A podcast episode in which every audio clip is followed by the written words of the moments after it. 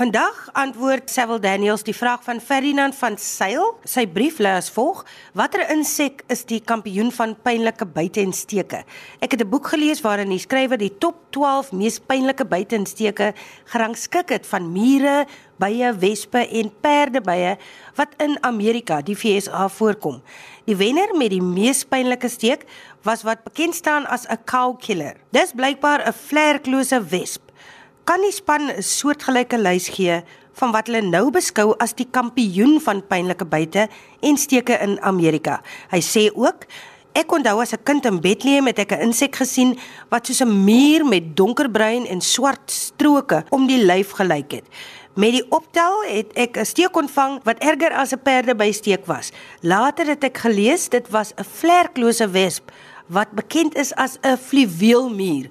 Sewil Daniels, wat het jy hieroor te sê? Môre Aidin, môre luisteraars, 'n vreeslik interessante vraag weer eens. Ek dink dit is belangrik om met die staanspoor te sê dat daar geen gestandardiseerde meganisme is om die buite van insekte te probeer pyl nie. 'n Gevoel wat ek as pyn byvoorbeeld sou moes beskryf van 1 tot 10 sou nie noodwendig dieselfde wees as 'n pyn wat jy byvoorbeeld sou beskryf tussen 1 en 10 want gewoonlik as 'n mens na die dokter toe gaan dan vra die dokter vir jou as jy net moet sê tussen 1 en 10 wat is jou pynvlakke afhangende van hoeveel pyn jy nou het sal jy sê uh, 10 wat jy nou erg pyn Um, maar jou 10 gaan nie noodwendig dieselfde skaal wees as myne nie. En dit is presies dieselfde hier. Daar's 'n entomoloog in die FSA, Dr. Smit, en hy het 'n skaal ontwikkel van 1 tot 4.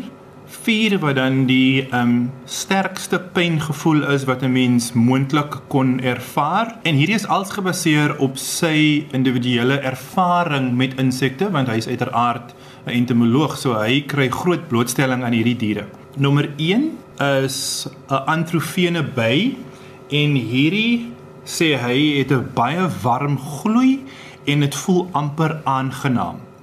Nommer 2 op sy skaal is 'n heuningby en dit het nou 'n tradisionele brandagtige gevoel. Nommer 3 'n harvest muur en hy let daarop dat die byt van hierdie diere 40 keer meer toksies is as die van 'n ratelslang en dan nommer 4 met ander woorde die sterkste hoeveelheid pyn wat hy nou al ervaar het word um toegedien deur 'n tarantula wespe en hy sê dit los 'n absolute briljante pyn. Nou ek is seker baie van die luisteraars het al daar by die huis of in die natuur gesien.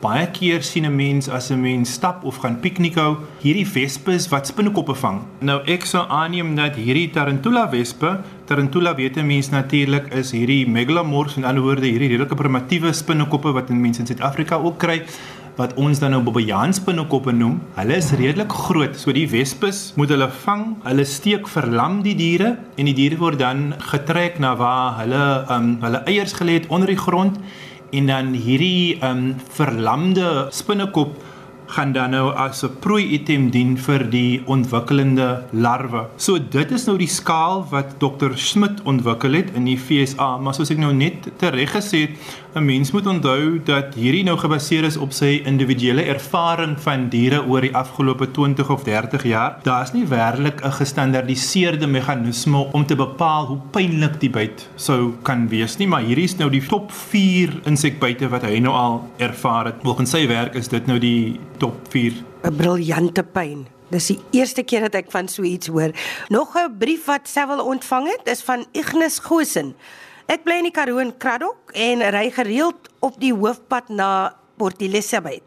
Die pad is vol ape en bobbejane op soek na kos en mielies wat van die vragmotors afval en as verkeer aankom, hardloop hulle net en spring op die grensdrade en loop gemaklik lang en op die drade. Selfs telefoonlyne. Hoe kry hulle dit reg dat die doringdrade nie hul voete sny of seermaak nie? Soms sit hulle op hul sitvlakke op die drade die verkeer en dophou. Goeiemôre luisteraars. As 'n mens nou na bobbejane en ape kyk, moet 'n mens onthou dat die liggaam gewoonlik tot 'n groot mate bedek is met hare en ons weet dat hare uiteraard 'n goeie beskermingsmeganisme is, veral byvoorbeeld wanneer die diere wil klim of wanneer 'n hakkiesdraad sou betrokke wees.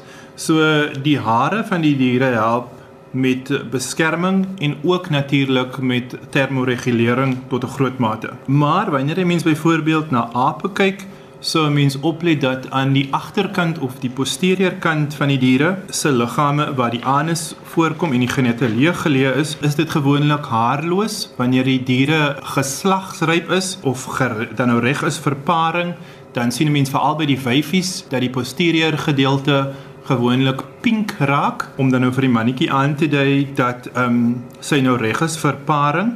Maar wat 'n mens wel ook sien is wat in literatuur verwys word na as iskiale verdikkings. So hierdie is nou areas binne die posteriale gedeelte, met ander woorde binne die agterkant waar daar um, 'n um, verdikking in die vel is en waar daar gewoonlik geen senuwee eindpunte is nie. Met ander woorde, wanneer die diere daarop sit, dit dien amper soos 'n kussing en help dan byvoorbeeld om die agtersteewe, sal ek nou sê, van die diere tot 'n groot mate te probeer beskerm. Maar jy kan nou ook dink as 'n kind nooit skoene gedra het nie, dan raak jou voete redelik verhard en dit is natuurlik omdat die vel 'n hele paar lae dan nou af lê om dan nou die sagter gedeeltes of die sagter weefsel wat dieper voorkom beskerm. So uiteraard gebeur dit dan nou ook by hierdie diere, maar behalwe die hare en die iskiale verdikkings is daar werklik geen daadwerklike aanpassings vir beskerming by die ape en bobbejane nie. Jy het geluister na Sewil Daniels se verklaring. Goeiemôre Heidi, luisteraars. Heidi, jy sal onthou ons het so tyd gelede eh, 'n uh, vraag beantwoord oor uh, Down syndroom. En in die gesprek het ek die woord idioot savant gebruik. Nou ja, ek het toe gesê en ek wil dit graag weer sê, die term word nie meer vandag gebruik nie, maar ek het ook gepraat van 'n uh, man wat lank pontmeester by Malgas gewees het en ek het nie sy naam gehad nie. Toe kry ek terugvoer van Dr Willem Moore van Bloemfontein en hy sê maar hy het die oom baie goed geken. Hulle dikwels in daai omgewing gereis en dan hulle met die pont oor die rivier by Malgas gegaan en die man se naam was oom Moxidan. En oom Moxidan volgens uh, Dr Willem Moore was 'n bokboer in die omgewing en blykbaar 'n legende in sy eie tyd. Hy het in die omgewing geboer, maar het van 1961 tot 1986 die pos as pontmeester uh gehad en uh, sodoende baie vriende gemaak en baie bekend geword. Nou ek het van hom gepraat omdat hy blykbaar volgens oorlewering een baie interessante uh, stokperdjie gehad het en dit was dat hy uh baie goed kon skilder en blykbaar 'n voorliefde gehad het om ossewaans te skilder. Nou toevallig dieselfde tyd ontvang ek 'n e-pos van uh een van ons medespanlede, uh, Henk Geier, en hy verwys na 'n boek of 'n boekie, dis nie so 'n dik boek nie, wat in 1971 deur Pieter Beckman geskryf is. Hy uh, was of is 'n ingenieur in Amerika en die boekie was so suksesvol dat dit al 'n uh, hele aantal jare lank herdruk word. En die boek se naam is The History of Pi. Nou ons ken almal die getal pi. Die van ons wat daarom nog skool gegaan het en wiskunde moes gedoen het, uh moes met die getal pi gewerk het en op skool het ons dit nou maar altyd as 22 oor 7 die breuk 22 oor 7 uh gebruik want pi is nie 3 nie. Pi is ietsie meer as 3. En as dit uitgewerk word, het dit 'n oneindige klomp uh desimale syfers ehm um, wat verskyn. Nou die boekie, snaaks genoeg, is deur die Golem drukkery gedruk in Amerika en luisteraars sal weet dat die Golem is 'n mitologiese figuur in die Joodse tradisies en mitologie. So in 'n sekere geval as 'n mens uh baie baie moeilikheid het of 'n uh, baie problematiese omstandighede verkeer, dan kan jy nou met sekere inkantasies en toorwoorde gewoonlik uit klei uit die golem oproep en die verskyn dan as so 'n antropomorfiese figuur wat uit anorganiese materiaal gemaak is en dan kan 'n mens nou die golem beheer tot jou eie voordeel om jou by die verdrukking te help. Nou in die boekie praat Beckman baie duidelik van idioot savante. Hy beskryf hulle ook en dit is nou wat werklik interessant is in die lig van wat ons oor gesels het. Uh hy noem byvoorbeeld die Engelsman Jedediah Buxton wat in 1707 tot 1772 geleef het en hierdie persoon het nooit leer lees of skryf nie, maar hy kon in sy kop berekeninge doen. So kon hy byvoorbeeld 'n kwart penny 140 maal verdubbel. Uh jy weet die 2 4 8 16 32 manier en dan uiteindelik in 'n binne baie kort tyd kon hy die presiese hoeveelheid ponde, shillings en pennies wat dit nou sou bedra uh gee. En die koninklike vereniging waarskynlik vir wiskunde uh, was baie beïndruk met hierdie vermoë van hom en hy het toe Londen toe gekom sodat hulle hom kon toets. Hy's getoets en hulle het gevind dat hy eintlik werklik kan doen wat die mense van hom sê. En toe as 'n soort van 'n beloning, toe neem hulle hom na 'n toneelstuk toe in Drurylaan om dit te gaan kyk en hy was totaal onbeïndruk deur hierdie toneelstuk. Hy het niks daarvan gehou nie, maar na die toneelstuk kon hy die presiese aantal woorde van elke spreker gee en die presiese aantal passies in elke dans van elke speler. So hy het nie geslaap gedurende hierdie vertoning nie, maar sy berekeninge het gewerk. Ander mense wat in die verband genoem word is Karel Oostenryker, Johan Martin Zacharias Daze, het van 1824 tot 1861 gelewe en in 1844 bereken hy die getal pi korrek tot die 200ste desimaal. Nog 'n interessante persoon was Truman Henry Safford wat van 1836 tot 1901 gelewe het in die staat Vermont in Amerika en hy kon op ouderdom 10 jaar onmiddellik die vierkantswortel van sewe syfer getalle gee. So hierdie mense wat hierdie een besondere vermoë gehad het, maar in ander aspekte van hulle lewens was hulle doodgewoon of selfs 'n bietjie benede normaal. Die is beskryf as idioot savante. So hulle kon met briljantheid uh berekeninge maak, maar baie swak was veral in wiskunde en omtrent alles anderster.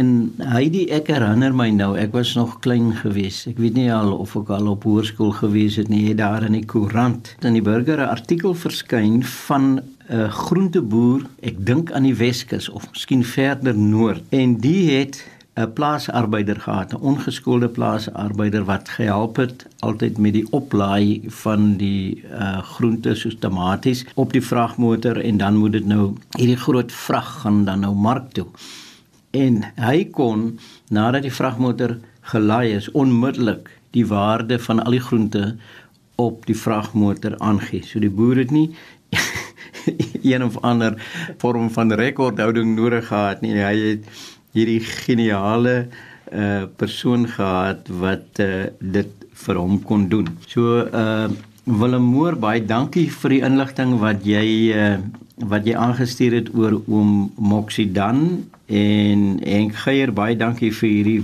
baie interessante boekie wat jy onder ons aandag gebring het. Dave Peppler het 'n redelike lang brief ontvang van 'n man genaamd Karel van Rooyen. Hy is van Klerksdorp. Ek gaan net enkele dele lees daarvan. Ek wil kommentaar lewer op Dani Kreer van Dispatch se brief wat op 21 April 2019 behandel is. Dis nou oor hoekom dinge mooi is. Daar is nie 'n drywer wat vir die blom sê wees mooi nie. Woorde is natuurlik nodig om dit te beskryf, maar nie om dit raak te sien of te ervaar nie. Hoe kan ons dan dink sonder woorde? Woorde is nie die basis van denke nie, maar bloot deel van die inhoud daarvan. As ons byvoorbeeld dink aan die roete wat ons na 'n bepaalde plek moet neem, doen ons dit deur die roete te visualiseer en nie in woorde nie. Dit hang dus bloot af van waaraan ons dink. Laastens sê Karel, skoonheid van voelsang.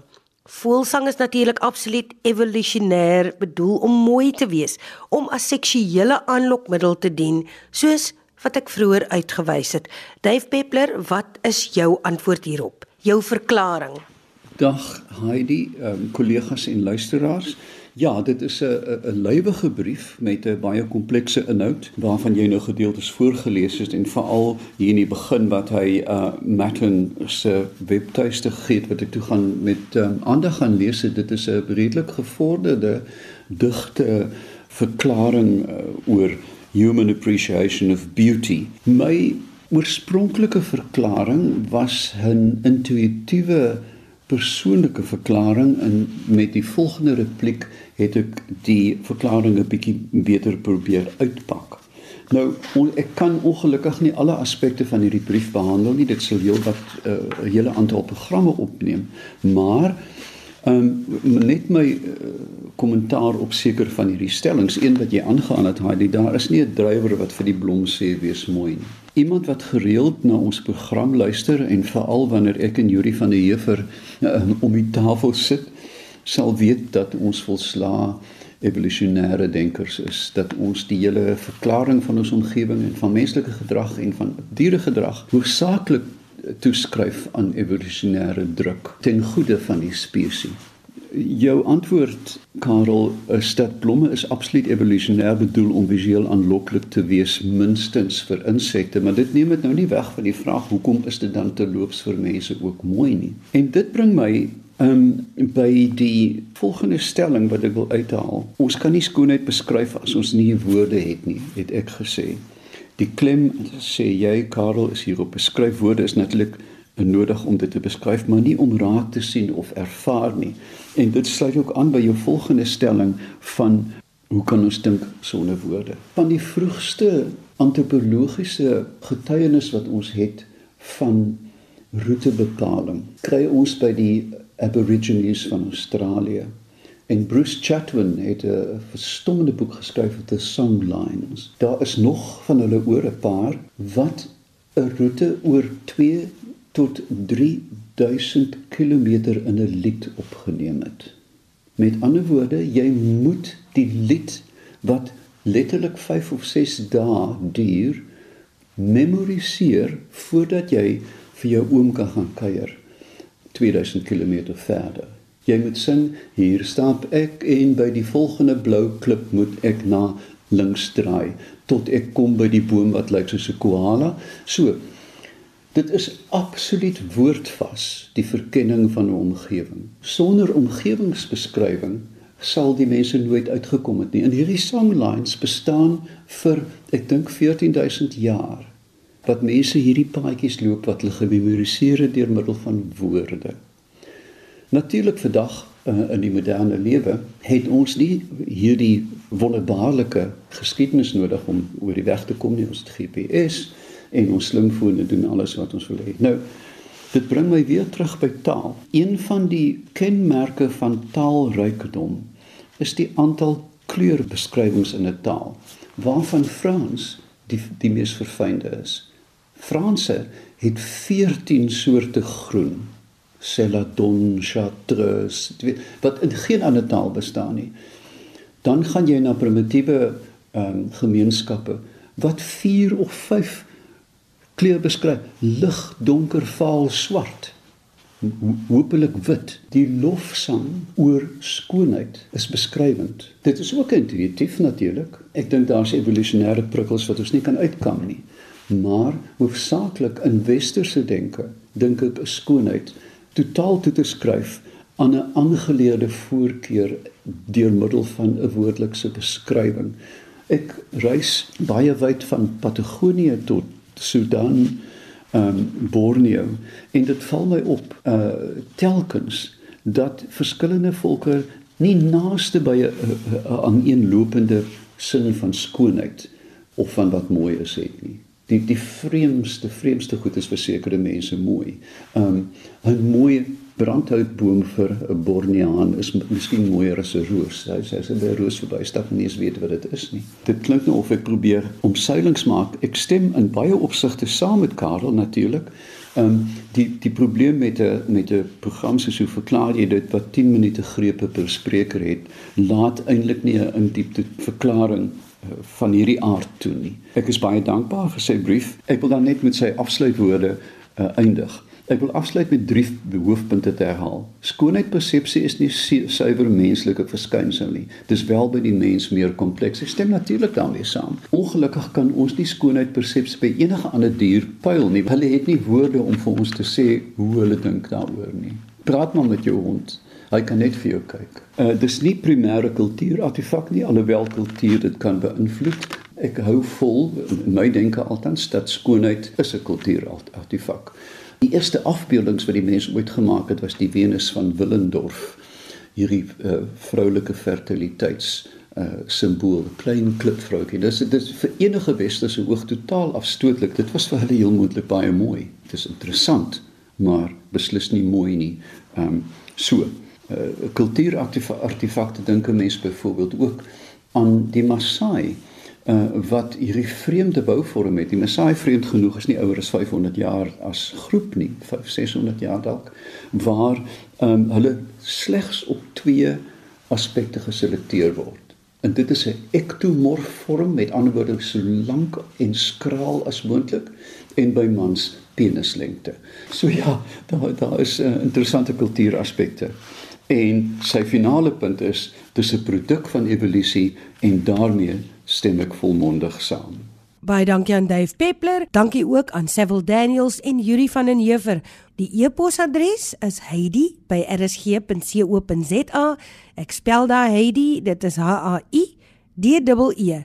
Of jy kan vir ons skryf. Hoe verklaar jy dit? Posbus 2551 Kaapstad 8000. Die verklaar jy dit span bedank telematiese dienste aan die Universiteit van Stellenbosch wat hul ateljee vir ons beskikbaar gestel het. Ek en die span gesels weer aanstaande Sondag verder. Ek hoop jy luister dan. Intussen geniet die res van jou Sondag.